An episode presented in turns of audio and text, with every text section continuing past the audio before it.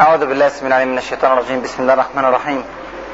إن الحمد لله نحمده ونستعينه ونستغفره ونستهديه ونعوذ بالله من شرور أنفسنا ومن سيئات أعمالنا. إنه من يهده الله فلا مضل له ومن يضلل فلا هادي له. وأشهد أن لا إله إلا الله وحده لا شريك له. وأشهد أن محمدا عبده ورسوله. أما بعد فأهلا ومرحبا بكم. في هذا اللقاء الطيب المبارك وأسأل الله عز وجل أن يجعل هذا اللقاء في ميزان حسناتنا أجمعين. إخواني في الله أبشروا أن الله عز وجل ينزل علينا في هذه اللحظات سكينته ويغشانا برحمته سبحانه وتعالى. ويصحب لنا في هذا اللقاء ملائكة من عنده ويذكرنا سبحانه وتعالى في ملأ خير من هذا الملأ. قوم جلسوا يتلون كتاب الله عز وجل ويتدارسونه فيما بينهم. فالحمد لله عز وجل الذي من علينا بهذا اللقاء والذي أنعم علينا بهذا الاجتماع في بيته نتلو كتابه ونتدارس سنة نبيه صلى الله عليه وسلم ونعرف أحكامه ونتبع شرعه نسأل الله عز وجل أن يثبتنا على الإيمان دائما. إخواني الحق أن الأمة الإسلامية في هذه الأونة تمر بأزمة حقيقية. و أو كل الأزمات ليست أزمة واحدة أزمات كثيرة متلاحقة في أكثر من مجال ليس فقط في المجال العسكري والسياسي ولكن أيضا في المجالات الاجتماعية والتعليمية والصحية بل وفي المجالات الأخلاقية والدينية. ونسأل الله عز وجل أن يرفع الغمة عن أمة الإسلام. واقع الأمر أن محاضرة اليوم وهي بعنوان الإيجابية في حياة المسلم. كدت أن أغير من عنوانها وأن أتحدث في موضوع آخر تبعا للأحداث الجارية في هذه الأونة وموضوع لبنان كما ترون ساخن وكذلك موضوع فلسطين والعراق وغيرها من المواضيع الهامة التي تمر بأمة الإسلام. ولكني وقفت مع نفسي وقفة وقلت إن كان الإنسان لا يستطيع أن يغير من حاله السيء ومن وضعه المتردي في مكانه في محيط أسرته في محيط قطره ودولته. فكيف له أن يساعد إخوانه هنا وهناك؟ إذا كان هناك قصور عند المسلمين في أماكنهم وفي بلادهم وفي أقطارهم بل وفي بيوتهم ولا يستطيعون أن يغيروه فكيف لهم أن يغيروا واقع غيرهم؟ كيف تشعر بأخيك الذي يقطن على بعد مئات وآلاف الكيلومترات إذا كنت لا تشعر بأخيك الذي يقطن في البيت المجاور لك؟ كيف تهتم بحال العالم الإسلامي هنا وهناك؟ وأنت لا تهتم لا تهتم بحال العالم الإسلامي في المكان الذي تعيش فيه. ما سبب القصور؟ لماذا لا يهتم المسلمون بأحوال المسلمين حتى في البلاد التي يعيشون فيها. تعاني الأمة الإسلامية يا إخواني من مرض خطير. أعتقد وأحسب أنه إن عولج نجت الأمة من مشاكل ومصائب وأزمات كثيرة تمر بها. وهذا المرض الخطير هو السلبية. يعلق دائما الإنسان أو الكثير من الناس يعلقون حل مشاكلهم على آخرين. أو يتهمون الآخرين بأنهم سبب المشاكل التي يعيشون فيها ومن ثم فعليهم أن يعالجوها. مع أن الإنسان هو الذي يعاني. المسلم هو الذي يعاني وتعاني أسرته ويعاني قومه ويعاني أحبابه ومع ذلك يقول فلان هو السبب. فعليه أن يعالج الأمر. من نتهم؟ أحيانا نتهم الحكام. ولا شك أن عليهم تبعات ولا شك أن أنهم يحاسبون أمام الله عز وجل ليس فقط على أمور حياتهم بل وعلى أمور حياة شعوبهم بكاملها التي يحكمونها. نعم عليهم جزء ونعم على الدعاة والعلماء جزء أيضا. العلماء والدعاة الذين لم يبصروا الناس بحقائق دينهم ولم يضعوا أقدامهم على الطريق الصحيح ولم يجتهدوا في قول الحق وإن كان مرا وفي قول الحق عند السلطان الجائر وفي نصح العالمين وإن كان فيه ضرر وأذى يقع عليهم هؤلاء إن كانوا على هذه الشاكلة فلا شك أنهم يتحملون جزءا من الأمر. ولا شك أن الاقتصاديين أيضا يتحملون جزءا من الأمر. ولا شك أن الإعلاميين يتحملون جزءا من الأمر. ولا شك أن هذا وذاك يتحمل. لكن ماذا تتحمل أنت؟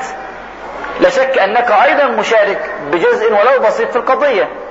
واقع الأمر يا إخواني أن مصائب الأمة الإسلامية وأزمات الأمة الإسلامية نتجت من ركون الجميع. إلا ما رحم الله عز وجل. هذه أزمة ألمت بالمجموع. ومن ثم إذا أردنا القيام فعلى كل واحد منا أن يبحث عن دوره. ماذا أفعل أنا لأغير من واقعي؟ حتى وإن كان في دائرة صغيرة. إن كنت مستطيعا أن تغير من واقعك في دائرة يقطن فيها خمس أو عشرة من المسلمين سواء في دائرة السكن أو في دائرة العمل أو في دائرة الشارع أو في دائرة الرحم في أي دائرة من الدوائر التي تعيش فيها. ولم تفعل ذلك فأنت سلبي. إن فعلت فالله عز وجل يحاسبك على قدر إمكانياتك. إمكانياتك والله أنك تغير في هذا المحيط الصغير يحاسبك ربنا على هذا المحيط. إمكانياتك أن تغير في محيط أكبر يحاسبك عليه. إمكانياتك أن تغير في محيط الأمة بكاملها بل وفي محيط الأرض.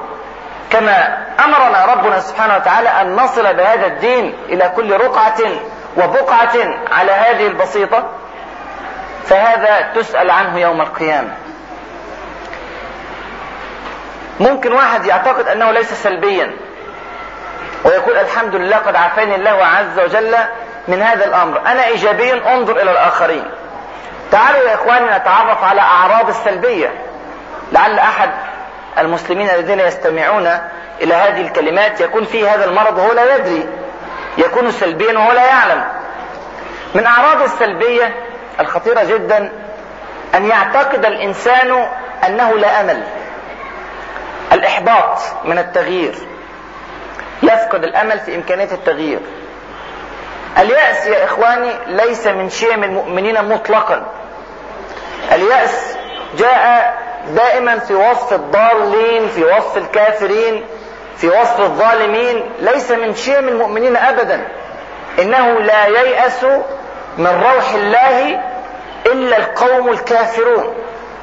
قال ومن يقنط من رحمة ربه إلا الضالون. هكذا. فاليأس ليس من شيم المؤمنين. الإنسان الذي ينظر إلى حال الأمة الإسلامية ويجد المصائب هنا وهناك في فلسطين وفي لبنان وفي العراق وفي الشيشان وفي أفغانستان وفي كشمير وفي الشيشان وفي غيرها أماكن كثيرة. فيحبط ويكون لا أمل. هذا إنسان سلبي. لأن الله عز وجل وعد بالتغيير ووعد بالتمكين. لهذه الأمة إن سارت على الطريق. فأول شيء أن الإنسان يحبط من إمكانية التغيير هذا إنسان سلبي. الذي يحبط من إمكانية التغيير. التغيير آت لا محالة. والنصر آت لا محالة. لكن من يأتي به من من المسلمين؟ الله عز وجل لا ينزل نصره إلا على من نصره. إن تنصروا الله ينصركم ويثبت أقدامكم. يبقى دي أول عرض من أعراض السلبية أن تحبط من إمكانية التغيير. العرض الثاني أن تستصغر إمكانياتك وإمكانيات من حولك. تقول والله نعم التغيير سيحدث لكن أنا ممكن أعمل إيه؟ أنا إمكانياتي ضعيفة أنا إنسان بسيط. أنا محيط الدوائر التي حولي ضيق وأنا ضعيف وأنا إمكانياتي محدودة. ويتهم نفسه دائما أنه لا يستطيع. يبقى يعتقد أن التغيير قادم لا يحبط لكن يعاني من مرض آخر خطير أنه لا ينظر إلى نفسه. يعتقد أنه غير قادر على التغيير. ويقلل أيضا من قدرات الآخرين. إذا رأى إنسانا يغير يقول يعني هذا إنسان ضعيف كيف له أن يغير؟ فلا يعتقد أن هناك من يستطيع أن يغير ويقول أن الوضع سيء جدا لدرجة أننا بإمكانياتنا هذه لا نستطيع. من أعراض السلبية أيضا يا إخواني السير مع التيار وإن كان فاسدا. أن أنت ترى أن الوضع سيء وأنت تريد التغيير لكن في سلبية. فتقول والله الناس كلها تفعل الإثم والشر والفساد فتفعل معهم وأنت تعلم أنه فساد. تجد الرشوة منتشرة في كل مكان. وأنت في داخلك رغبة للتغيير عايز تغير الرشوة. فتستصغر إمكانيات النفس وتشعر أنه لا فائدة. فتبدأ في التعامل أنت أيضا بالرشوة مع الآخرين.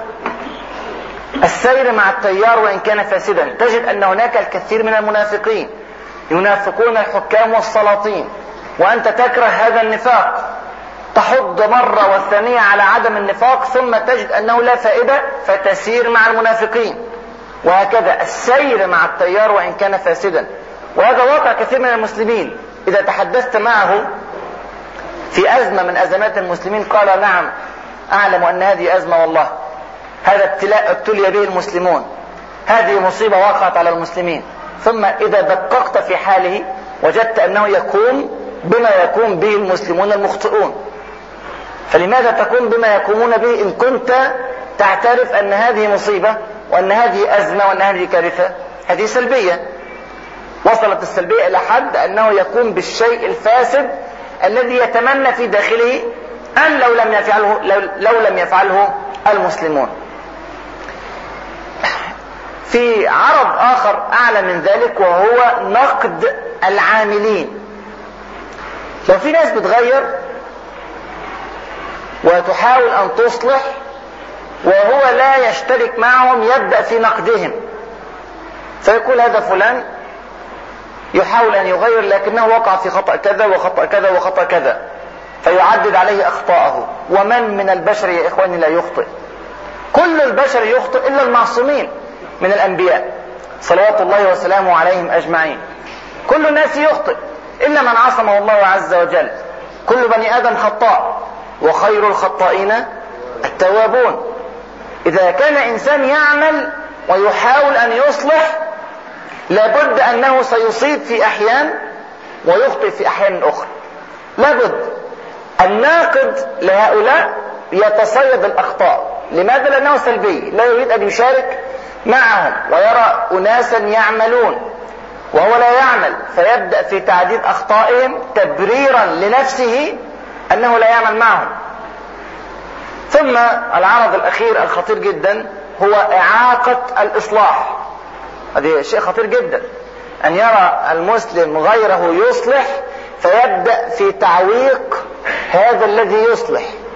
لماذا؟ لكي لا يتهم هو بالقعود وغيره بالإصلاح فيعوق المصلحين يضع العراقيل أمام المصلحين. وذكر ذلك ربنا في كتابه قال قد يعلم الله المعوقين منكم والقائلين لإخوانهم هلم إلينا؟ ولا يأتون البأس إلا قليلا. هناك معركة. وسبحان الله هذا الموقف رأيناه في الأحداث السابقة أو الأحداث الحالية التي نراها في لبنان. موقف وناس بتدافع عن حقوقها وعن بلادها المحتلة وعن أسراها الذين عند العدو فحاولوا يعني أن يدافعوا عن حقوقهم وأن يردوا أسراهم وأن يحرروا بلادهم. فيبدأ الآخرون الذين لا يريدون الحرب ولا يتخيلونها ويجبنون عن اللقاء ليس فقط في عدم المشاركة في الحرب ولكن في تعويق أولئك الذين يحاربون. وفي اتهامهم بأنهم مغامرون وفي اتهامهم بأنهم يرتكبون تصرفات غير مسؤولة وفي اتهامهم أنهم يفعلون كذا وكذا لأممهم من الفساد والدمار مع أنهم يعلمون أنه بالطرق التي ساروا فيها قبل ذلك طرق السلم التي ساروا فيها ربع قرن سابق ولم يحققوا شيئا لو ساروا فيها مئة سنة قادمة لم يحققوا شيئا. لكنهم يخافون من اللقاء فيبدأون في اتهام الآخرين وفي تعويقهم. قد يعلم الله المعوقين منكم والقائلين لإخوانهم هلم إلينا ولا يأتون البأس إلا قليل إلا قليلا. لا يأتون الحرب إلا قليلا. هؤلاء لا يحاربون وينكرون على من يحارب أنه يحارب. ينكرون على من يجاهد أنه يجاهد. هذه كلها أعراض للسلبية. يعني قد نصاب بأحد هذه الأعراض أو بكل هذه الأعراض. نسأل الله عز وجل العافية والسلامة. إن أصيبت الأمة يا إخواني بمرض السلبية فلا نصر ولا خير ولا إصلاح. لابد أن يكون المسلم إيجابي. فإن كنت إيجابيا وقدمت ولو شيئا بسيطا إمكانياتك محدودة. فأنا قدمت إمكانياتي المحدودة. ينزل خير ربنا بصورة لا نتخيلها ويرزقه من حيث إيه؟ لا يحتسب. يأتي النصر بطريقة لا يتصورها المسلم لا يحتسبها. يعني مثلا في كتاب ربنا سبحانه وتعالى يقول الله عز وجل لمريم عليها السلام وهزي إليك بجذع النخلة تساقط عليك رطبا جنيا طب هز النخلة بالنسبة لامرأة ضعيفة خرجت من الحمل والولادة وهي في حالة من حالات الهزال والضعف الشديد. هذا الهز ماذا يفعل للنخلة؟ الرجال الأقوياء إن هزوا النخلة من أسفلها قد لا يسقطون الثمار من فوق النخل. لذلك يحتاج الرجال أن يصعدوا إلى النخل يجمعوا التمر من فوق النخل. فهذه الهزة ماذا تفعل؟ لكن لابد أن تقدم شيئا. لابد أن تكون إيجابية. فإذا هزت النخلة هذه حدود الإمكانيات البشرية. إمكانياتها بسيطة جدا. هزة ضعيفة من امرأة ضعيفة خارجة من الولادة. فينزل خير ربنا سبحانه وتعالى. الأسباب بسيطة جدا لكن رب العالمين يقول لك قدم شيئا. لابد أن تفعل شيئا. نعم أنت ترى أن إمكانياتك محدودة وأن قدراتك ضعيفة لكن الله عز وجل هو الذي ينزل الخير وهو الذي ينزل النصر. لكن لابد أن تقدم شيئا. شوف ربنا سبحانه وتعالى يقول لموسى عليه السلام واضرب بعصاك البحر فأوحينا إلى موسى أن اضرب بعصاك البحر فانفلق فكان كل فرق كالطود العظيم. وحي الله عز وجل لموسى أن يضرب بعصاه البحر. فعندما ضرب موسى بعصاه البحر انفلق البحر فكان كل فرق, فرق فكان كل فرق كالطود العظيم. طيب ماذا فعلت الضربة التي قدمها موسى؟ لو قعد يضرب البحر ألف سنة دون أن يريد الله عز وجل له أن ينفلق لن ينفلق. مش كده ولا إيه؟ وإحنا لو قعدنا نضرب ألف سنة لن ينفلق البحر إلا إذا أراد الله عز وجل. طب ما كان ربنا سبحانه وتعالى قادر على فلق البحر دون ضرب. في الأمر في النهاية معجزة. وفي النهاية رب العالمين سبحانه وتعالى يأتي بما لا يستطيع البشر حتى أن يتخيلوه. لكن لابد أن يقدم موسى شيئا عليه السلام. لابد أن يضرب بيده. بدل مجهود شيء. قدم شيء. هذه حدود إمكانياته. فقدمه فنزل نصر الله عز وجل بالشكل الذي لا يتخيله المسلمون ولا المؤمنون. انظر إلى رب العالمين سبحانه وتعالى في سورة المائدة يقول ادخلوا عليهم الباب. فإذا دخلتموه فإنكم غالبون. وعلى الله فتوكلوا إن كنتم مؤمنين. كل ما عليك أن تدخل عليهم الباب. في داخل المدينة عماليق. في داخل المدينة أناس جبابرة. إمكانياتهم هائلة أسلحتهم عديدة. حصونهم شديدة. بنو إسرائيل يخافون. الحل أين؟ في الإيجابية. أن تقدم شيئا. ولو بسيطا. فقط. ادخل عليهم الباب. ادخلوا عليهم الباب. فقط. إذا دخلتموه فإنكم غالبون. وعلى الله فتوكلوا. إن كنتم مؤمنين. لأن النصر من عند الله عز وجل. شوف الرسول صلى الله عليه وسلم يقول لربيعة ابن كعب الأسلمي يا ربيعة سل. اطلب. شاف من ربيعة رضي الله عنه أنه يخدمه خدمة عظيمة. فأراد أن يكافئه فقل فقال يا ربيعة سل. فقال يا رسول الله أسألك مرافقتك في الجنة. أسألك مرافقتك في الجنة.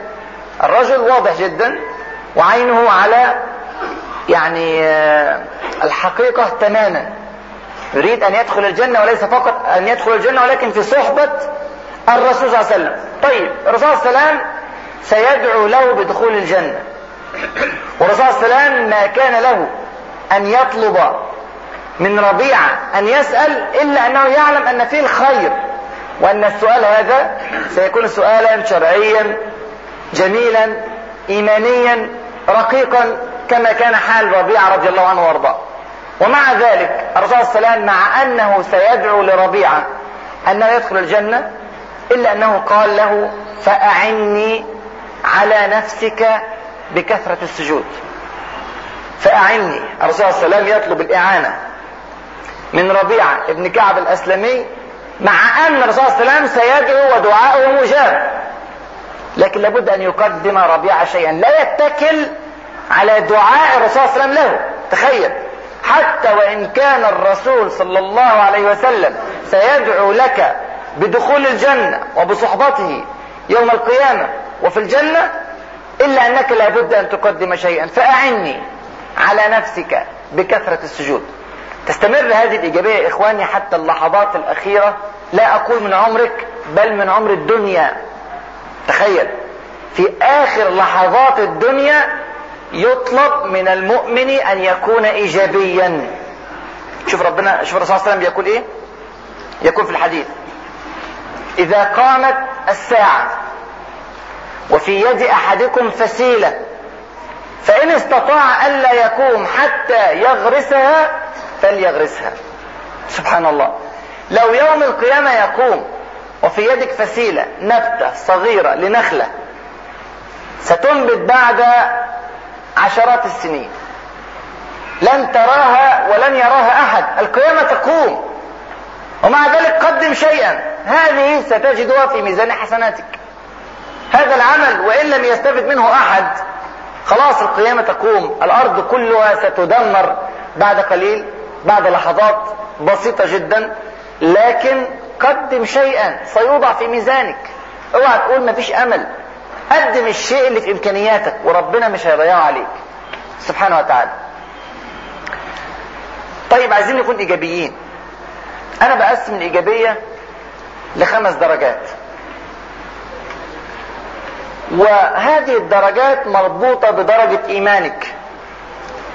إذا كان إيمانك ضعيفا فأنت في الدرجة الأولى من درجات الإيجابية وهذا على كل حال أفضل من السلبية المطلقة. وكلما قوي إيمانك كلما صعدت في سلم الإيجابية. حتى تصل إلى الدرجة الخامسة نسأل الله عز وجل أن نكون جميعا فيها. الدرجة الأولى من درجات الإيجابية هي درجة أسميها درجة الإيجابية السلبية. سبحان الله. منين إيجابية؟ ومنين سلبية؟ درجة الإيجابية السلبية يا إخواني هي درجة التأثر بالقلب ولا عمل للجوارح. أنا أتأثر بقلبي جدا لحل الأمة الإسلامية وللأزمات والمصائب لكن لا أتحرك. أفتح تلفزيون أشوف كوارث بتحصل في فلسطين وفي لبنان وفي غيرها من بلاد المسلمين فأتأثر بالقلب وقد أبكي وقد أحزن فترة طويلة وقد أكتئب لكن لا عمل لا دعوة إلى الله عز وجل وعودة إلى الله عز وجل ليرفع الغم عن أمة الإسلام حالي هو حالي لا إنفاق في سبيل الله لمساندة هؤلاء. لا تجييش للرأي العام لنصرة هؤلاء. لا كلام في القضية مع الناس. لكن أنا حزين في داخلي متأثر بقلبي. هذا أفضل ممن ممن لا يتأثر. هناك واحد سلبي يرى هذه الأحداث ولا يتأثر مطلقا. لكن أتقوم الأمة بالتأثر القلبي فقط؟ هذا مستحيل. أحيانا بتبقى القضايا ماسة. يعني أحيانا بتبقى القضايا خاصة بيك شخصيا. ويقع الضرر عليك شخصيا. ومع ذلك الإنسان يتأثر بقلبه ويسلم كما يقول أمره لله ولا يتحرك. سلبي. تعلم أن هناك مصيبة. واحد بيشرب سجاير. تيجي تقول له والله شرب السجاير هذا يصيبك بكذا وكذا وكذا وكذا. تعد عليه. المصائب التي تقع عليه. يقول والله نعم أدرك هذه مصائب.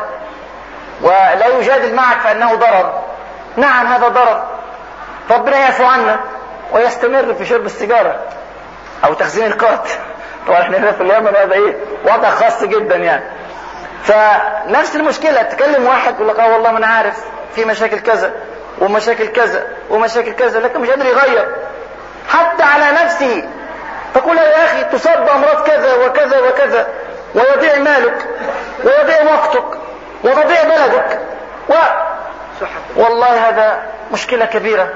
نعم ويستمر. هذه سلبية. حتى على نفسه هذه السلبية. هو يتأثر بقلبه لكن لا يتحرك بجوارحه. وهذه السلبية. في ناس تانية تجاب لك بقى وتقول لك لا ما فيش منه مشاكل وكذا ويقعد إيه؟ اداء يعني سلبي حقيقي. لكن درجة الإيجابية السلبية هو بدأ يتأثر بالقلب لكن هذا التأثر ضعيف فلا يدفع إلى عمل. هذا لا نريده من أمة الإسلام. هذه درجة بسيطة جدا. يا إخواني أنتم مطالبون بتغيير العالم ولا أقول بتغيير حال الأمة الإسلامية فقط إنما ابتعثنا الله لنخرج العباد. كل العباد. من عبادة العباد إلى عبادة رب العباد. ومن جور الأديان إلى عدل الإسلام. ومن ضيق الدنيا إلى سعة الدنيا والآخرة. هذه مهمتنا. مش مهمتك بس أن تصلح بيتك وتصلح رحمك وتصلح قطرك وتصلح أمتك. لا مطالب بإصلاح العالم أجمع. هذه مهمة المسلمين فعلا. فقه الصحابة رضي الله عنهم وأرضاهم فتركوا مكة وتركوا المدينة وحملوا الدين إلى أقطاب الأرض إلى كل مكان في الأرض حدث أو لم يحدث حدث يا إخواني. تركوا الصلاة في بيت في مسجد الرسول صلى الله عليه وسلم 500 صلاة بألف صلاة وتركوا الصلاة في المسجد الحرام بمئة ألف صلاة وذهبوا إلى الشام وإلى العراق وإلى فارس وإلى مصر وإلى شمال أفريقيا وإلى هنا وهناك ينشرون دين الله عز وجل. إيجابية عالية جدا يا إخواني. لماذا؟ لأنهم يشعرون بقيمة هذا الدين ويريدون أن ينقلوه إلى غيرهم. يبقى دي أول درجة من درجات الإيجابية وهي درجة بسيطة لا أريد للمسلمين أن يكونوا فيها. الدرجة الثانية هي درجة الإيجابية المحفزة. يعني إيه الإيجابية المحفزة؟ يعني واحد متأثر بقلبه ولا يتحرك فيأتي إليه مسلم متحمس للدين أو داعية أو عالم فيتكلم معه في قضية من قضايا المسلمين فيتحمس ويتحفز ويتحرك. لكنه لا يتحرك إلا إذا جاءه محفز. لازم حد يحفزه فيتحرك. ومدة الحركة على حسب قوة الإيمان اللي عنده. ممكن الكلام بتاع الداعية أو العالم أو صديقه أو أخوه اللي كلمه ممكن يحركه يوم يومين عشر أيام سنة وبعدين الكلام يبتدي يقل في الذهن وفي العقل وينسى فيقعد مرة ثانية إلى أن يأتي محفز آخر. فيحفزه ثم يقعد. ويأتي محفز ثالث فيحفزه ثم يقعد وهكذا. هو دايما محتاج واحد ماشي وراه يحفزه للخير. ده أحسن من اللي فات صح؟ اللي فات تقعد تحفز فيه 100 سنة ما يتحركش. تأثر بالقلب فقط. يسمع ولا يتحرك. لكن ديت الحمد لله أحسن. بيتحرك. بس افرض افتقدنا للمحفز. هو قاعد. ما يتحركش. وافرض المحفز ما كانش عنده يعني قدرة عظيمة على الإقناع ما يتحركش. وافرض عنده ظروف وعنده مصالح وعنده كذا تتعارض مع التحفيز ممكن ما يتحركش. هو مرتبط بنوع معين من التحفيز. المسلمون الصادقون ممكن يمر بمرحلة زي ديت. يحتاجوا محفز يحفزهم. مفيش مانع بس ما يبقاش ده الاصل ما تبقاش كل حياتك محتاج واحد يحفزك لفعل الخير. ما تعمل انت الخير وتكون انت المحفز لغيرك. ليه مستني حد دايما يحفزك؟ آه مرة يكون في حياتك لحظة من لحظات الضعف لحظة من لحظات الكسل ظرف معين عابر ممكن مقبول لكن ليس مقبولا أن يكون هذا هو الأصل في حياتك. في موقف من المواقف العجيبة جدا في التاريخ. من مواقف التحفيز اللي حفزت المسلمين بعد جهد جهيد. عشان نعرف إن كلنا ممكن نمر بهذا الموقف. بعد وفاة الصديق رضي الله عنه وأرضاه وعند ولاية عمر بن الخطاب رضي الله عنه وأرضاه. في هذه الفترة في هذه الأيام القليلة كان المسلمون يستنفرون للخروج إلى فارس. الواقع أن الجيوش الإسلامية كانت تحارب في فارس أيام الصديق رضي الله عنه. وقبيل وفاة الصديق رضي الله عنه رضي الله عنه نقل خالد بن الوليد رضي الله عنه من العراق إلى الشام.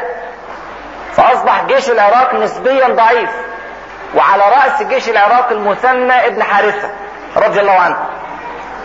فالمثنى وجد الجيش بسيط.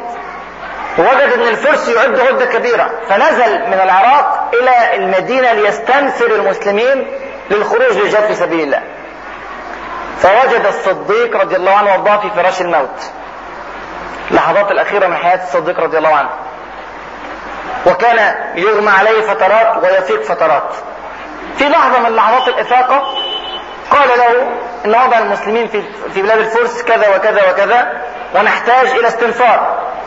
فالصديق رضي الله عنه نادى على عمر بن الخطاب وهو يعلم أنه سيستخلفه ليكون أميرا للمؤمنين من بعده وذكر له قضية فارس وقال إن أنا مت من الصباح فلا تنتظر المساء بل ادفني واستنفر الناس للخروج إلى فارس وإن أنا مت من المساء فلا تنتظر الصباح بل ادفني واستنفر الناس إلى فارس.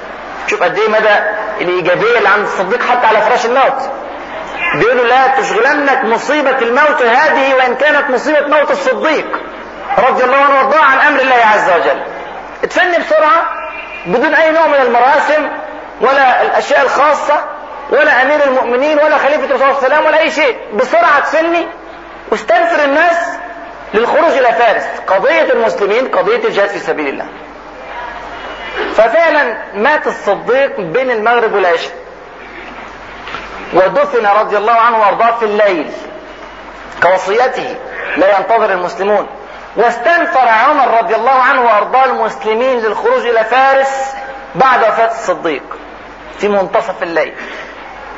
لكن لم يقم معه من المدينة أحد. شيء غريب طبعا. عمر يستنفر الناس للخروج إلى الجهاد ولا واحد قام. طيب عمر بن الخطاب رضي الله عنه قال والله يبدو إن المسلمين يعني في حالة من الحزن الشديد حالة من الضيق الشديد لوفاة الصديق رضي الله عنه وأرضاه وبالذات أن هذه الوفاة قريبة من وفاة صلى الله سنتين ونص. والصديق كان دعامة قوية للإسلام وأعماله لا تحصى فأزمة شديدة. طيب بعد الفجر. بعد الفجر تمت المبايعة لعمر بن الخطاب كأمير للمؤمنين وبعد المبايعة استنفر الناس فلم يقم أحد من المدينة المنورة في عهد الصحابة في عهد عمر بن الخطاب رضي الله عنه وأرضاه لم يقم أحد. طيب يبدو أن المصيبة كبيرة. نستنى صلاة الظهر بعد صلاة الظهر استنفر الناس ولم يقم أحد. بعد العصر لم يقم أحد. بعد المغرب والعشاء لم يقم أحد. عشان ما أطولش عليكم اليوم الأول واليوم الثاني واليوم الثالث والرابع لحد صلاة العصر لم يقم أحد. متخيلين؟ يعني شوف تحفيز كم مرة؟ شوف عدت كم صلاة على المسلمين؟ خمس صلوات في كل يوم أدي 15 صلاة. وصلاة الفجر وصلاة الصبح وصلاة الظهر في اليوم الرابع صلاة العصر كمان ثلاث مرات أدي 18 مرة غير المرة بتاعت بالليل يوم وفاة الصديق 19 مرة من التحفيز. ومن المحفز؟ عمر رضي الله عنه وأرضاه ولا يقم أحد. أزمة قد تمر بالمسلمين. هذا الموقف له تفسيرات كثيرة ليس المجال الآن للخوض فيها. لكن المهم أن المسلمين لم يقوموا نتيجة التحفيز متأثرين بقلبهم ولم يتحركوا بجوارحهم في درجة الإيجابية الأولى ولم ينتقلوا بعد إلى الثانية. بعد صلاة العصر في اليوم الرابع بعد أن استنفر عمر بن الخطاب الناس ولم يقوموا قام عمر رضي الله عنه وضوى خطبة في الناس. خطبة طويلة عصماء وقال في آخرها يا أيها المسلمون أحفزكم على دخول الجنة وترفضون ثم بكى رضي الله عنه وأرضاه. هذا أمر صعب مش متخيل. في مدينة رسول الله صلى الله عليه وسلم ولا يتحرك الناس للجهاد في سبيل الله فبكى عمر بن الخطاب رضي الله عنه وأرضاه وقام المثنى بن حارثة وأخذ رضي الله عنه وأرضاه يحفز الناس حتى لوح لهم بالدنيا. قال أيها الناس إننا سحنا في بلاد فارس. وناخذ الأموال والقرى والضيعات وكذا. فبدأ يلوح لهم بالدنيا حتى يدفعهم إلى الجهاد في سبيل الله. بعد كل هذا التحفيز قام رجل. بعد كل هذا الجهد قام واحد بس. أبو عبيد ابن ابن مسعود الثقفي. أبو عبيد ابن مسعود الثقفي رضي الله عنه. واحد. قام قال أنا لها يا عمر. أنا اقوم اجاهد في سبيل الله. فلما قام قام بقيامه سليط بن قيس رضي الله عنه. وقال وأنا لها يا عمر. سليط بن قيس يا إخواني من أهل بدر. يا الله. يعني كان في ناس من أهل بدر حاضرين في التحفيز ده وما قاموش؟ آه كان في. سبحان الله. كل لكل عمل شرة ولكل شرة فترة. لكل عمل شرة نشاط. ولكل شرة فترة فتور. تأتي بعض لحظات الفتور على المسلمين لأسباب أو لأخرى. فقام صليت بن قيس وقال وأنا لا يا عمر. فقام سعد بن عبيد البدري أيضا وقال أنا لا يا عمر.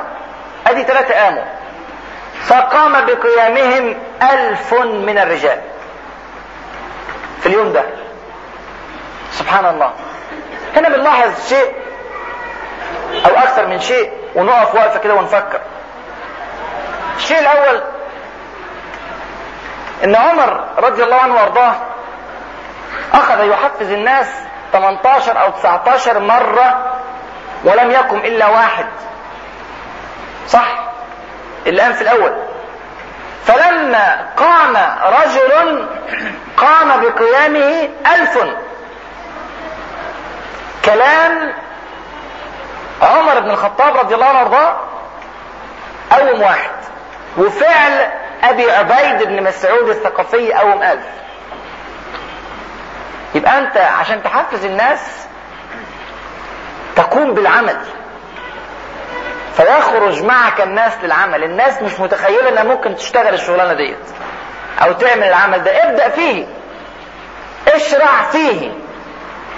حتى لو كان أبو عبيد أقل من عمر وهو لا شك أقل من عمر وعمر رضي الله عنه وأرضاه ثاني الصحابة رضي الله عنهم في القدر والقيمة والعظمة بعد الصديق رضي الله عنه وأرضاه. ومع ذلك فعل ابي عبيد شوف قوم كم واحد. الحاجة الثانية ملحوظة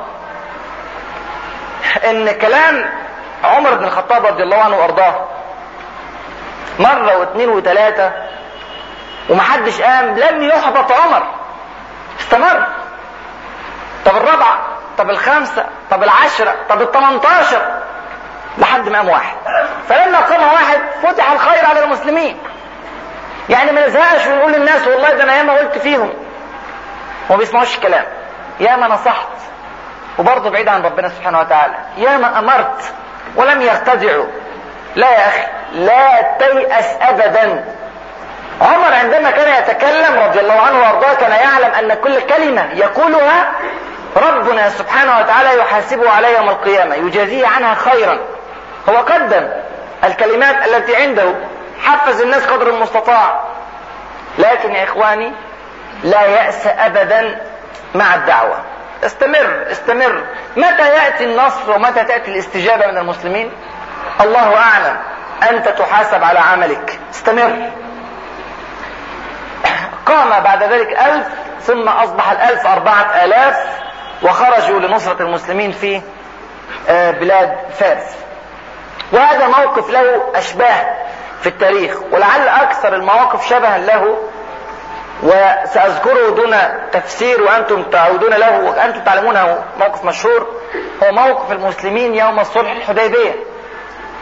لما الرسول صلى الله عليه وسلم حفز المسلمين على الذبح وعلى الحلق فلم يستر... لم يسمعوا ولم يطيعوا. إلى أن أمرت ونصحت السيدة أم سلمة أن يفعل ماذا صلى الله عليه وسلم أن يقوم بايه بالفعل. كلام الرسول صلى الله عليه وسلم لم يتحرك له المسلمون. ودول مين دول دول أهل الشجرة.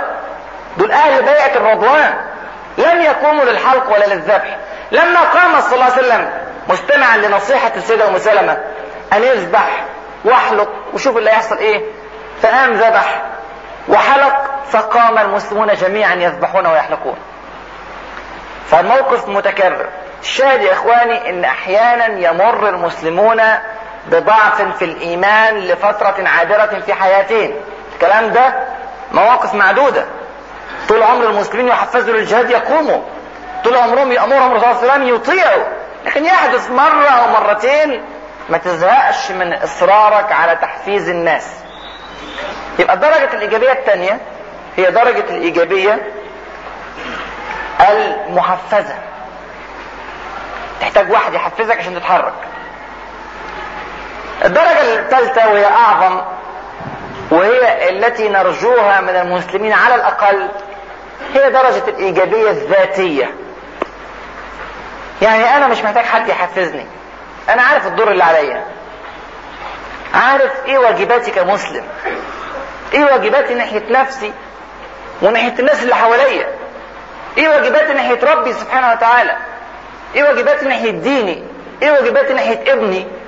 إيه واجباتي ناحية جاري ناحية عدوي ناحية صديقي. كل الدوائر اللي بتحرك فيها أنا عارف دوري كويس وبعمله. مش محتاج حد يقول لي عليه. لأن أنا عايش القضية. شوف مثلا موقف ربعي بن عامر اللي من شوية قلنا الكلمة الجميلة بتاعته إنما ابتعثنا الله لنخرج العباد من عبادة العباد إلى عبادة رب العباد. شوف قال الكلمة دي في أي ظرف. ربعي بن عامر رضي الله عنه كان في موقعة القادسية. سيدنا سعد بن أبي وقاص اللي هو زعيم المسلمين في القادسية أرسل وفد لدعوة يزد جرد اللي هو كسرى فارس في ذلك الوقت إلى الإسلام.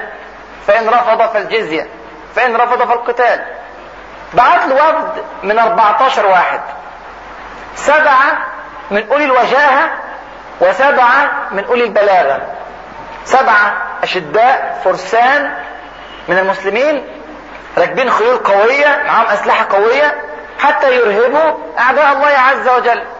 وسبعة من أولي البلاغة. كلامهم جيد عندهم حسن بيان قوة إقناع ليعرضوا الإسلام وليفوضوا ويتكلموا ويستطيعوا أن يصلوا بالرسالة صحيحة إلى يسجرد ف 14 واحد. بعد حوار طويل ثلاثة أيام رفض يسجرد كل شيء إلا القتال. خلاص في قتال. اقتربت الجيوش الجيش المسلم والجيش الفارسي وخلاص هيحصل الموقعة.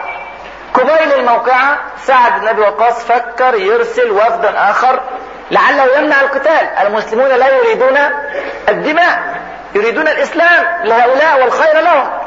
فقال لك ابعت واحد ابعت وفد تاني قبل القتال مباشرة. فكر يبعت وفد تاني من 14 واحد تانيين.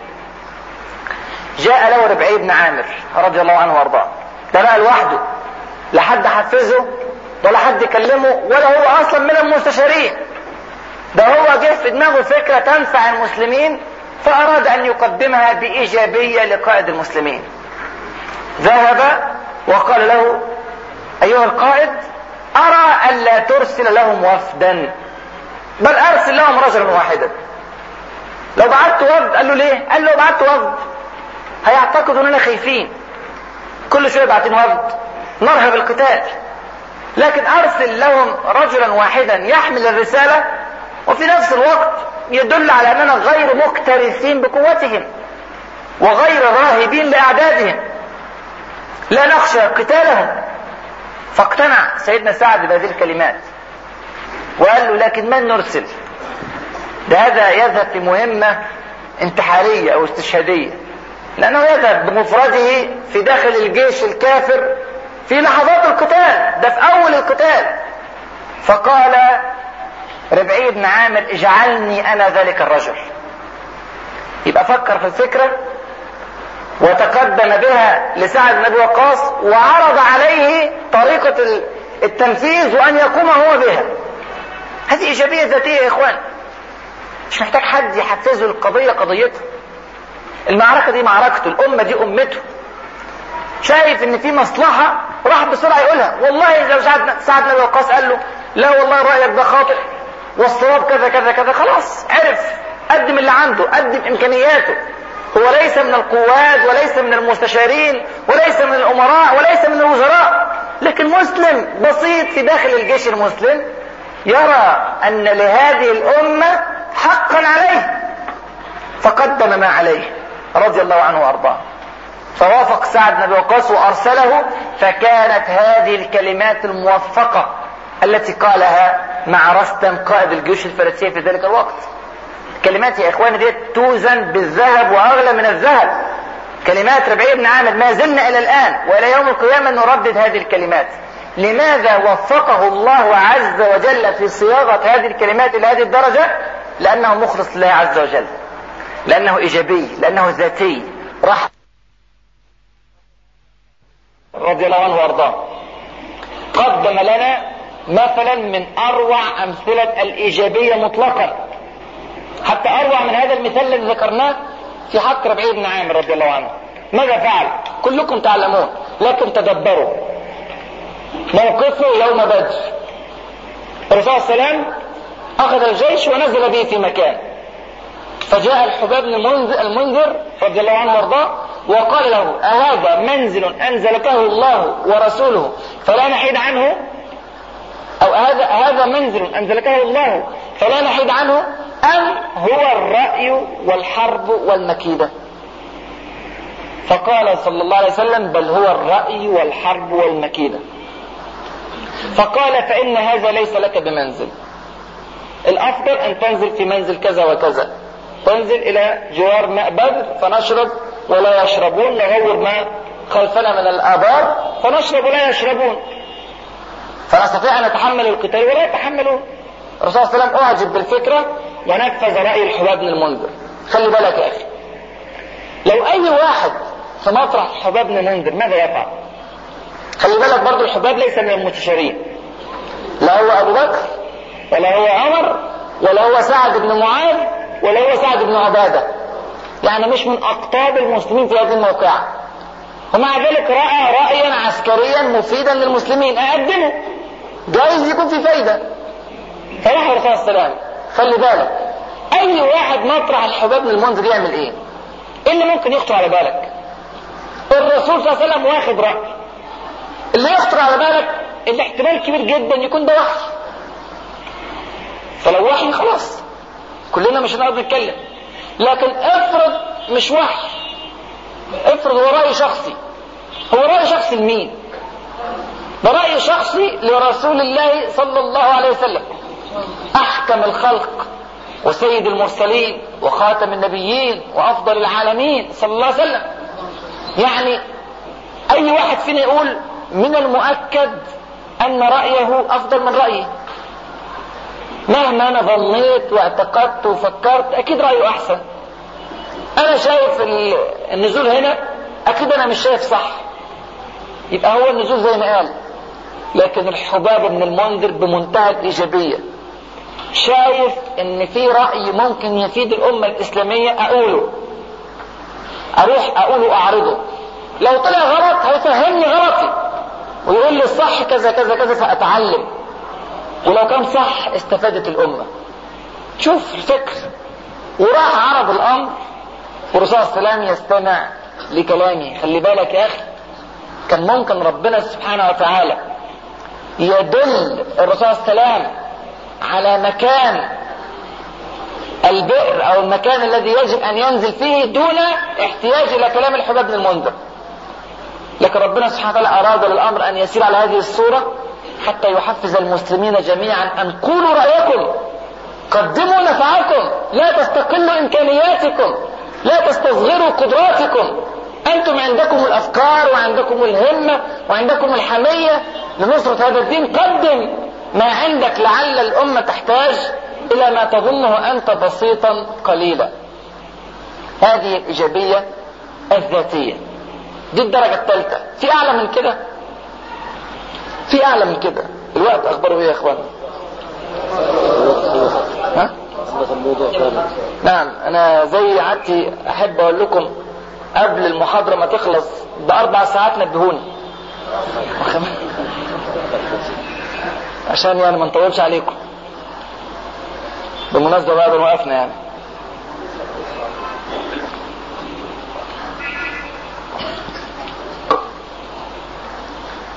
في درجة رابعة من درجات الإيجابية أعلى من هذه الدرجة الثالثة العظيمة وهي درجة الإيجابية المحفزة الثانية كان اسمها إيه؟ المحفزة دي المحفزة يعني إيه الكلام ده؟ يعني أنا مش بس ذاتي مش بس فاهم دوري وبعمله لا ده أنا بروح للآخرين أحفزهم يعملوا دورهم. مع إن أنا عملت دوري عملت شغلي لكن أنا من همي وحبي لهذه الأمة أحرك الآخرين واحفز الآخرين. مش إحنا في المرحلة الثانية في الدرجة الثانية قلنا إن في واحد محتاج دايما حد يحفزه.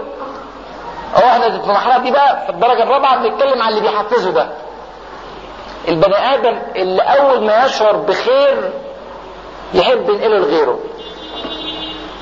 أول ما يحس بمعنى لطيف في الدعوة أو في الدين يحب ينقله للناس. حتى لو كان الناس دولت غير مسلمين. يا الله.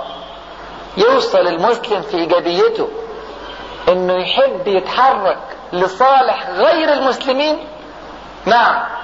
الرسول صلى الله عليه وسلم كان يتفطر قلبه حزنا على غير المسلمين أنهم ما زالوا غير مسلمين. لحد ما ربنا سبحانه وتعالى قال له لعلك باخع نفسك ألا يكونوا مؤمنين. ويقول له فلا تذهب نفسك عليهم حسرات. نفسك هتذهب حسرات عليهم لأنهم لا يؤمنون. فيهدئ من روعه ويطمئن من قلبه. ويقول ما على الرسول إلا البلاغ لكن الرسول صلى الله عليه وسلم بيحب الخير للغير. بيحب الغير حتى لغير المسلمين. ربنا بيقول إيه؟ وما أرسلناك إلا رحمة للمسلمين. لا للعالمين. مسلم وغير مسلم. رحمة للعالمين سبحانه صلى الله عليه وسلم. شوف كده موقف الطفيل بن عمرو الدوسي رضي الله عنه وارضاه. الطفيل بن عمرو الدوسي دخل مكة المكرمة كافر. وهو من شعراء اليمن. ورجل حصيف بليغ وسيد في قومه في قبيلة دوس فلما دخل مكة المكرمة اجتمع عليه الناس وقالوا له اوعى تسمع لكلام هذا الذي يدعي النبوة صلى الله عليه وسلم. يسحرك بكلامه. ليه كلام فعله كالسحر. ستتأثر. إحنا عارفينك راجل يعني حصيف وراجل لك مكانة في قومك فلا تتأثر به قال لهم أعمل إيه؟ طيب قالوا حطوا في أذنك الكرسف حطوا في اذنك في أذنك قطن عشان ما تسمعوش. سبحان الله حط في اذنه قطن. وراح يطوف بالبيت الحرام. فأبى الله عز وجل إلا أن يسمعه.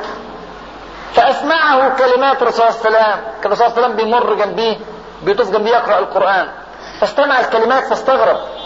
فقال يا طفيل أنت رجل حصيف شاعر. يعني كيف تضع في أذنك الكرسف عشان ما تسمعش؟ ارفع القطن أو الكرسف وقيم الكلام اللي بتسمعه قدره إن كان حقا اتبعته وإن كان غير ذلك رفضته. تقدر تقدر المواقف. فرفع يريد الله به الهداية. فرفع عن أذنه الكرسف واستمع الرسول وسلم فآمن من ساعته. شوف يا أخي بقى الحس الدعوي اللي عنده. شوف الإيجابية المحفزة التي عنده. أول ما آمن قال له صلى الله عليه وسلم إيه؟ قالوا يا رسول الله ائذن لي أن أذهب إلى قومي وأدعوهم إلى الإسلام. يا الله. يا إخواني والله أنا على يقين إن كل واحد من الحاضرين هنا في هذا اللقاء يعلم أكثر مما كان يعلمه الطفيل بن عمرو الدوسي ساعة إسلامه. ده هو كل اللي فهم الرسول صلى الله عليه وسلم ثلاث أربع دقايق. نص ساعة ساعة. هيسمع منه إيه يعني؟ كم كلمة؟ أساسيات وكليات العقيدة. سمع منه أن الله عز وجل هو الذي خلق هو الذي يرزق هو الذي يجب أن يعبد. سمع منه في ان في جنة وإن في نار. سمع منه القرآن الكريم اللي هو بين ايدينا وكان القرآن اللي نزل كله يعني القرآن المكي فقط ومش كل القرآن المكي ساعتها كان نزل ومش هيقرا له كل القرآن المكي. بقرا له آية أو اثنين أو ثلاثة أو عشرة. معلومات قليلة جدا جدا لكن الرجل عنده إيجابية. أول ما سمع الكلمات قال له أنا أروح أبلغ الكلمات ديت للناس بتوعي. أنا بحب قومي. أريد لهم الخير. وإن كانوا مشركين وإن كانوا يعبدون الأصنام أنا عايز لهم الخير. أروح أبلغهم يا رسول الله. فأذن له صلى الله عليه وسلم. فراح يبلغهم. فدعاهم إلى الله عز وجل. فلم يؤمن منهم إلا قليل القليل. لم تؤمن إلا زوجته وأمه وأبيه. أمه وأبوه وزوجته فقط الذين آمنوا. وواقع الأمر أنه كان في دعوته إلى حد كبير فيه غلظة. يدعوهم بشدة. فالناس أول ما سمعت هذه الشدة الناس تنفر من الشدة يا إخوان. فما كانت بس الأمن أحب الناس إليه لكن بيت الناس رفضت هذا الأمر. فرجع الرسول صلى الله عليه وسلم يقول له إيه؟ يا رسول الله ادعو على قومي. يا الله. هو من شوية كان بيحب قومه ويتحرك لهم. هذه يا إخواني برضه درجة إيمان عالية جدا. لما وجد إن قومه فصل بينه وبينهم الإيمان. هو مؤمن وهم كفار ويرفضون الإيمان.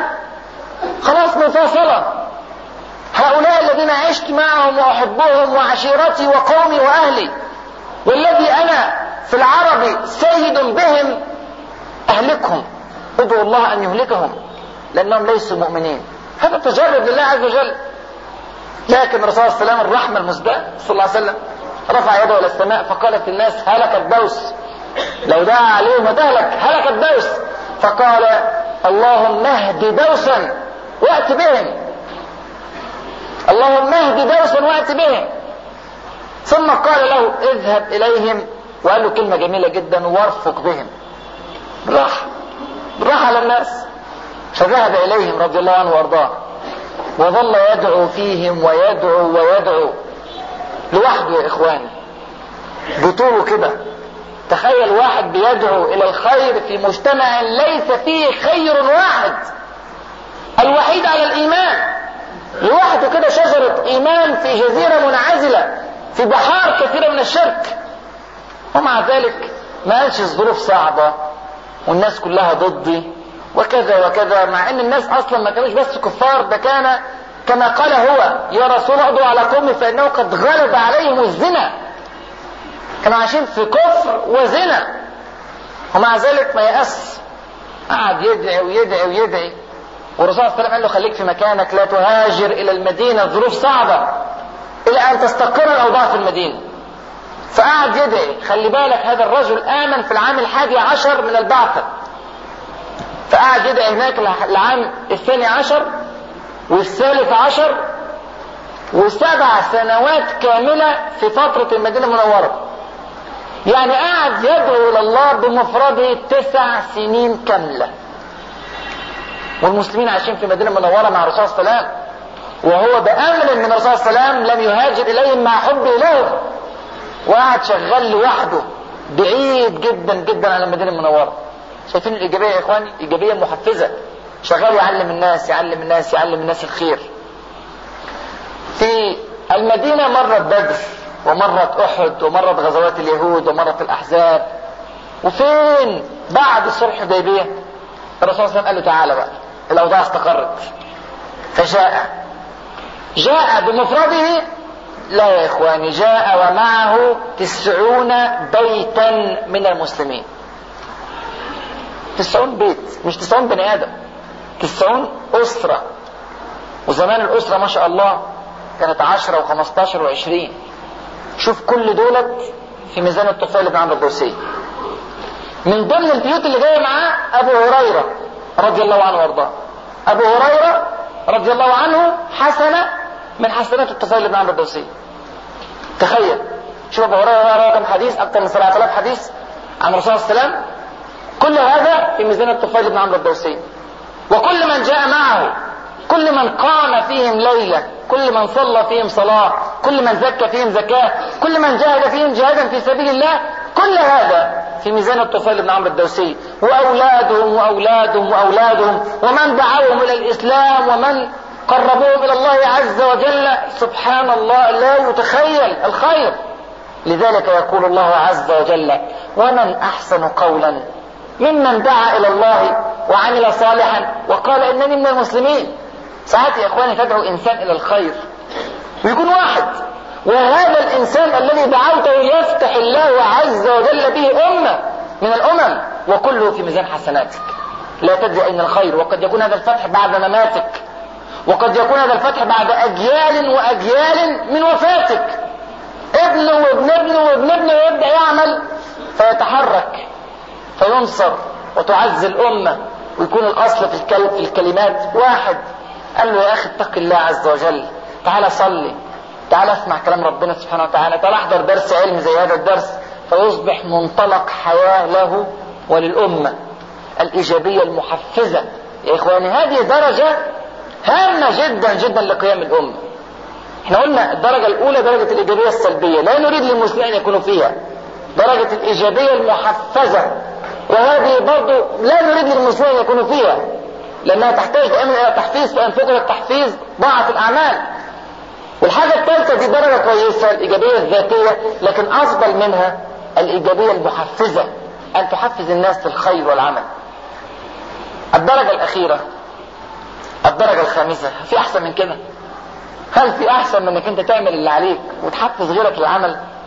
آه في أحسن. في الدرجة الخامسة هي درجة الإيجابية القصوى. الإيجابية العليا وهي يا إخواني درجة عجيبة جدا. هي درجة أن تقوم بعملك وتحفز الآخرين على القيام به زي الدرجة الرابعة.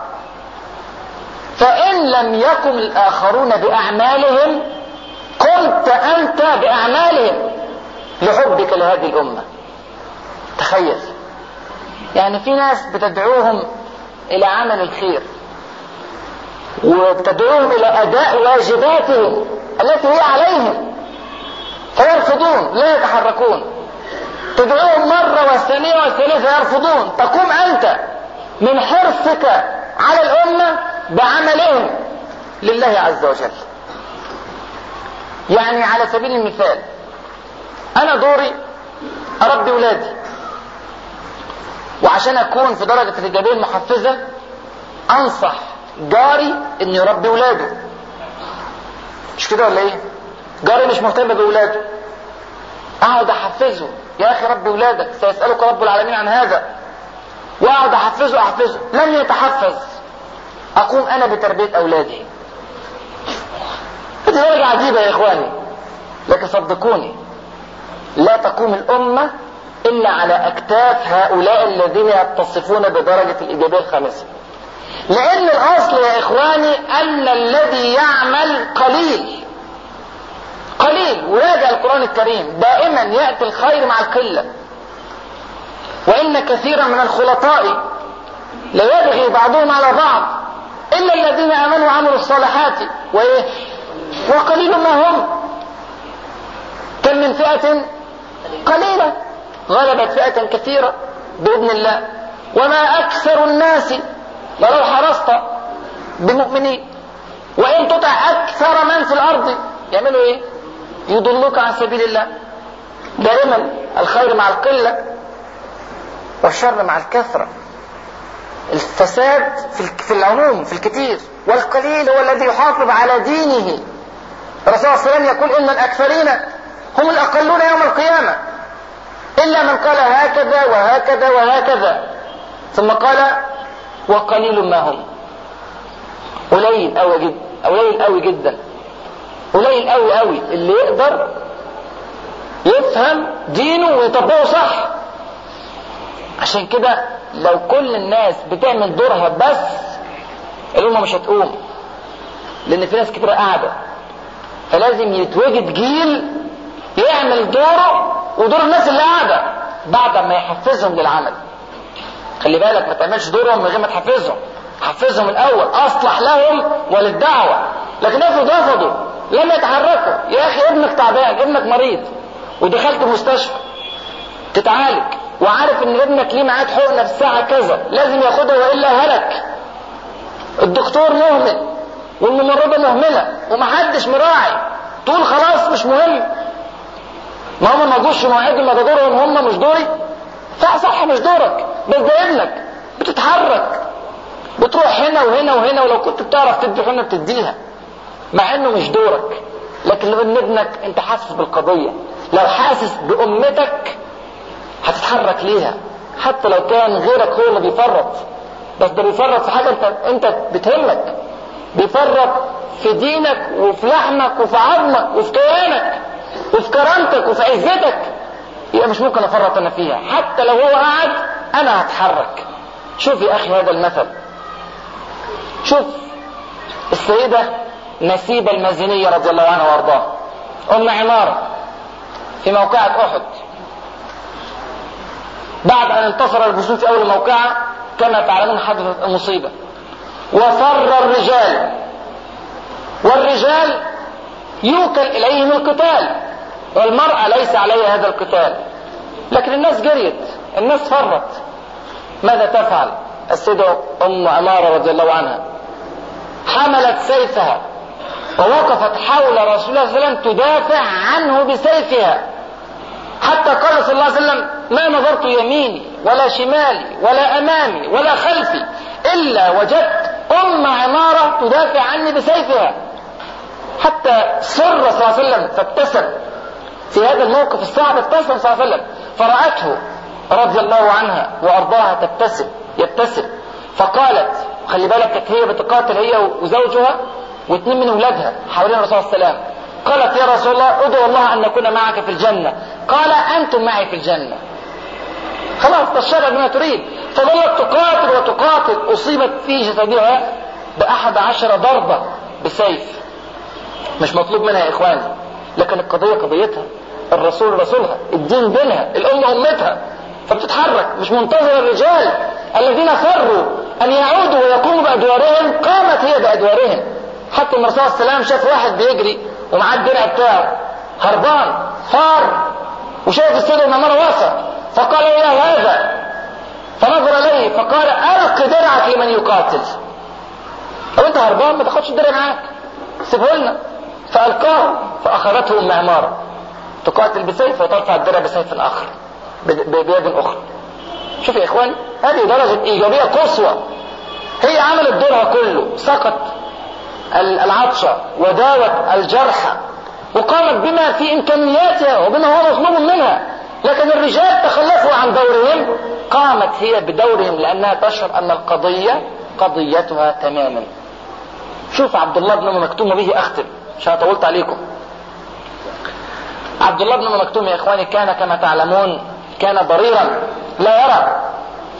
في موقعة القادسية استنفر عمر بن الخطاب رضي الله عنه وارضاه المسلمين الخروج فخرج المسلمون لجات فارس. كم واحد خرج؟ 32 ألف مقاتل. 32 ألف مقاتل. جيش الفرس كم واحد؟ 240 ألف. ثمان أضعاف الجيش المسلم. عبد الله بن مكتوم لما سمع الكلام ده قام ليجاهد في سبيل الله. قال له عمر أنا عايز أخرج لجهاد في سبيل الله. وهو ضرير فسيدنا عمر ما فهمش. قال له يعني تقاتل في سبيل الله. واحد ضرير كيف يقاتل بالسيف؟ فقال له كيف تقاتل؟ قد رفع الله عنك.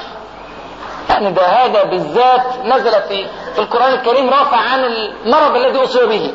ليس على الأعمى حرج بنص القرآن. يعني معلوش أي نوع من الإثم إن لم يخرج. لكن الأمة أمته القضية قضيته. فقال عندي سبب أنا عندي حجة للخروج. قال له هتعمل إيه؟ قال أكثر سواد المسلمين. بدل من المسلمين يبقوا 32 ألف هيبقوا 32 ألف واحد. فنكتر كده في العدد فالفرس يشوفونا كتير فيتخضوا مننا يخافوا. طب عملت حاجة؟ فقال له يا عبد الله الجيش 32000 هتفرق يعني 32000 واحد؟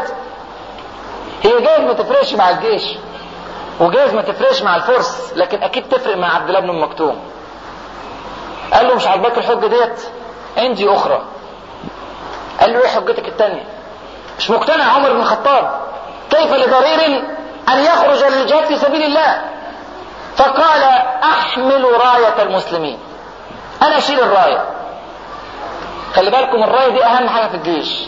الجيش كله يتحرك مع الراية. لو فرت الراية كارثة. لو فر حامل الراية الجيش كله بيفر لأن عادة يمسك بالراية أقوى القبائل وأقوى الأفراد. فهي دعامة إيمانية ونفسية ومعنوية عليه للجيش فقال له حاجة جميلة جدا. قال له احمل راية المسلمين. فإن فر المسلمون لا أفر لأني لا أرى. أنا مش هعرف أفر حتى لو حبيت أفر. شوف الفكر اللي عندي سبحان الله. أنا ما مش هعرف أفر. فاديني راية المسلمين أهو هفضل واقف بيها في الحتة اللي وقفتني فيها. مش هتحرك سيدنا عمر لما شاف إصراره قال له يا عبد الله اخرج. اخرج للجهاد في سبيل الله. شوفوا الاخ شوف يا اخوانا نفسه. نفسه في الجهاد حقيقة. فخرج للجهاد في سبيل الله يا إخواني. حامل راية المسلمين في القادسية اعمى تخيلوا في القادسية من أشهر مواقع الإسلام رجل يتصف بالإيجابية القصوى. تخلف الكثيرون عن الجهاد في سبيل الله. قعد الكثيرون. قام هو ليكون بأدوارهم. كان المفروض واحد صحيح من آلاف المسلمين الموجوده يخرج ما خرجش لسبب أو لآخر قام هو بدورهم رضي الله عنه وأرضاه وحمل راية المسلمين في القادسيه ومر اليوم الأول والثاني والثالث في القادسيه حتى لقي الله عز وجل شهيدا في اليوم الثالث في آخر اليوم الثالث. تخيل تخيل ويتخذ منكم شهداء. شوف لما تقول ألف مرة عبد الله بن أم مكتوم سيموت شهيدا. كيف؟ واحد ضرير والقتال في أطراف الدولة الإسلامية في الشام والعراق وهو عايش في المدينة. كيف يموت شهيدا؟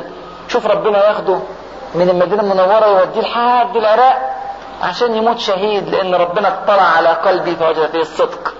إن تصدق الله يصدق. أخيرا يا إخواني أقول لكم كل ميسر لما خلق له لما خلق له. كل واحد. عنده دور. كل ميسر لما خلق له. كل واحد يقدر يفيد الأمة الإسلامية في مجال في مكان معين في طريقة أو في خدمة أو في مصلحة لا يستطيع أن يقوم بها إلا أنت. فلا يؤتى الإسلام من قبلك. احذر أن يؤتى الإسلام من قبلك. من الإسلام يا إخواني إن لم نكن نحن؟ والذين جاهدوا فينا لنهدينهم سبلنا. ابدأ. هز النخلة.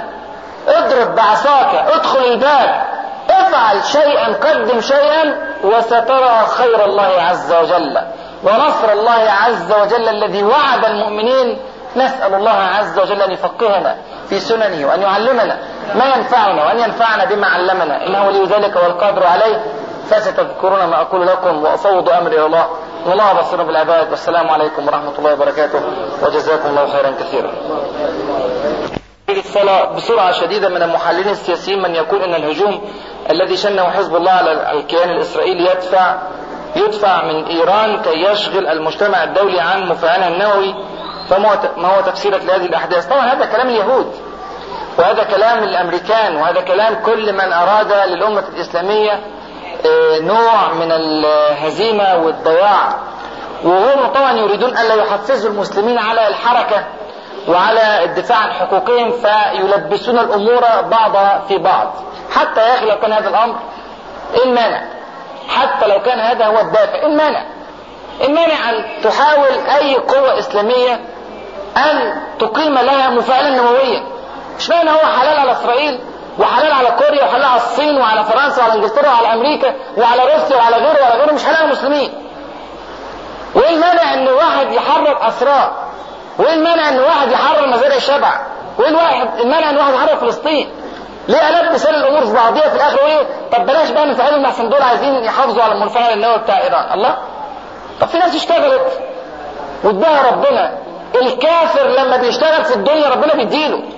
من كان يريد الحياة الدنيا وزينتها يوفي إليهم أعمالهم فيها وهم فيها لا يبخسون. ناس اشتغلت ليه ما تاخدش؟ يا إخواني لا تنشغلوا بهذه الأمور انشغلوا بإخوانكم الذين يذبحون ويقتلون هنا وهناك وكيف ننصرهم؟ نساعدهم عشان ربنا سبحانه وتعالى ما يسألناش فنقول والله ربنا ما عملناش حاجة. والحمد لله دلوقتي الإعلام لم يترك أحدا دون علم. كل الناس عارفة دلوقتي.